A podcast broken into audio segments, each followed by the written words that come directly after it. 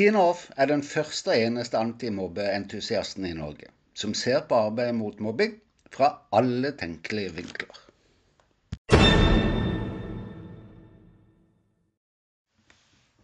Så hyggelig at du kom hit i dag. Vi skal starte litt alvorlig, og så hoppe inn i tipsverden. Som du vet, har vi akkurat passert verdensdagen for selvmord. En tøff dag i min verden. Men også en dag som sparker meg bak og minner meg på at vi må videre. Vi må videre i arbeidet mot mobbing. Må vi ikke dit at barna kjappest mulig kan bruke tida si på læring, utvikling, utforsking og sosiale gleder? Og at foreldre kan senke skuldrene og avtale en vennekveld med et godt glass vin. Gå på trening eller ha overskudd til å ta med hele familien på utflukt på impuls. Du vet, Sånn som alle gjorde før mobbingen ble altoppslukende i familien. Er du klar? Velkommen til episode 44. Er det noe jeg frykter, så er det tanken på at barn og unge tar sitt liv i kjølvannet av mobbing. At vi, sånne som deg og meg, ikke makter å hjelpe dem i tide. At vi surrer tida bort i manglende samarbeid. Vilje til å lytte til hverandre. Ikke gi oss før vi forstår hva det innebærer, det de andre sier. Og så gå utenfor våre roller og våge å ta de rette valgene. Fordi du vet det vil hjelpe barna så mye bedre enn teorier og modeller og lovverkets krav, hva vi vanligvis gjør, hva kulturen tilsier osv. osv i saksbehandlinga mellom voksne, der foreldre, skolefolk, helse, BUP, PPT og hva enn det skal være, skal finne fram til tiltak som skal gi positiv effekt i det å gjøre skolehverdagen trygg og god igjen for barnet. Vil ingen av partene sitte på sannheten? Hørte du det? Ingen har rett. Ingen vet akkurat hva som skal til for at dette barnet opplever bedring. Opplever positiv effekt av de tiltakene vi setter inn. Det er en utfordrende oppgave. Soleklart. Og nettopp derfor er det så viktig å være lydhøre overfor hverandre. Være kreativ i jakten på løsningen. Og ikke gi seg før en finner løsningen. Det er tre suksesstrekk, dette. Visste du det? Og det er her jeg har lyst til å dele noen anbefalinger som kan hjelpe i mobbesaker og samarbeidet, og som du kan velge. OK, her kommer de. For det første Hold fokuset på barnet og situasjonen. Det spiller ingen rolle om foreldrene er dine beste venner, om skolen er dine beste venner. Vi går godt sammen med noen, og så går vi ikke like godt sammen med andre. Og sånn er det bare. Men det betyr ikke at vi som voksne ikke kan klare å samarbeide. For det kan vi klare. Vi har et felles mål. Vi har en felles oppgave, nemlig å hjelpe barnet til å få det trygt og godt igjen. Punkt to. Lytt og lær av hverandre. Våg det. Lytte og lære av hverandre. Og være litt ydmyke. Fange opp hva de andre sier. Få det bekrefta om det trengs, og forklart om det trengs. Vær litt i læringsmodus.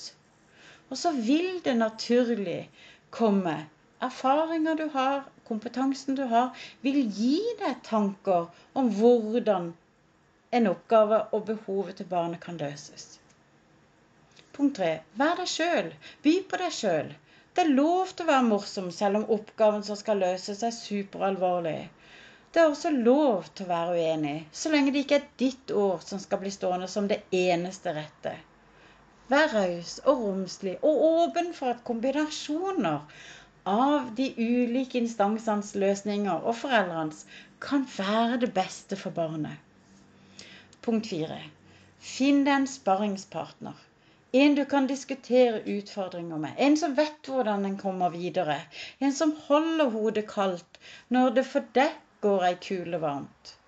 Og som kan idémyldre med deg. Ikke vær tusenkunstner aleine. For det er nok ikke helt sånn at jo mer stressa du blir, jo flere fornuftige tanker tenker du. Punkt fem, og til slutt, vær tålmodig. Å skape endring hos personer, som i klasser, tar tid. Det tar tid for barn å føle trygghet nok til å begynne å slappe av og faktisk oppleve å ha det trygt og godt igjen. Det samme gjør det i voksenrelasjoner. Det å bygge gode voksenrelasjoner når det er mange følelser involvert, f.eks. mellom skole og hjem i mobbesaker, det tar også tid. Lær sammen. Våg å lære sammen hva som fungerer og ikke. Ikke hva du mener den andre skal gjøre, eller hva du tenker er langt utenfor din rolle, og dermed hva du skal gjøre. Jakt på det som fungerer i fellesskap. For barnet. Hver og en voksen trenger å bli med meg i det å sparke seg bak. Få haga opp og skape seg litt mot i det å stå i det usikre arbeidet som arbeidet mot mobbing faktisk er. Ikke minst snakker jeg da om mobbesaker. Det er tøft å stå i usikkerheten i det å ikke vite hva som er den rette veien for barnet. Det å se at barnet ikke får det bedre med det vi forsøker. Og når vi da går tom for ting å prøve, jeg ser det. Men stol på meg når jeg sier at det er langt tøffere å stå i en krig mellom voksne. Mellom voksne, skole og hjem, men også mellom hjem og flere offentlige institusjoner. Det å lete etter feil eller skylde på hverandre og hele tida vite at barnets hjelp, det lar vente på seg. Det er langt tøffere, det. Jeg har lyst til å avslutte med en oppfordring. Når foreldre sier at barnet ikke har det bra. Kanskje opplever de mobbing, sier foreldrene. Men skolens ansatte oppfatter barnet som både blid og fornøyd. Ikke glem helt da at vi alle er litt annerledes på jobb enn vi er hjemme. Er vi ikke? Og sånn er det nok for barna også. Det er tid for å runde av. Husk, jeg foreslår, og du tenker og vurderer. Og du, har du et spørsmål, finn meg i sosiale medier og send meg en melding. Jeg lover at du forblir anonym. Og jeg lover å svare. Og jeg kommer til å dele svaret og spørsmålet for så vidt, men uten ditt navn på.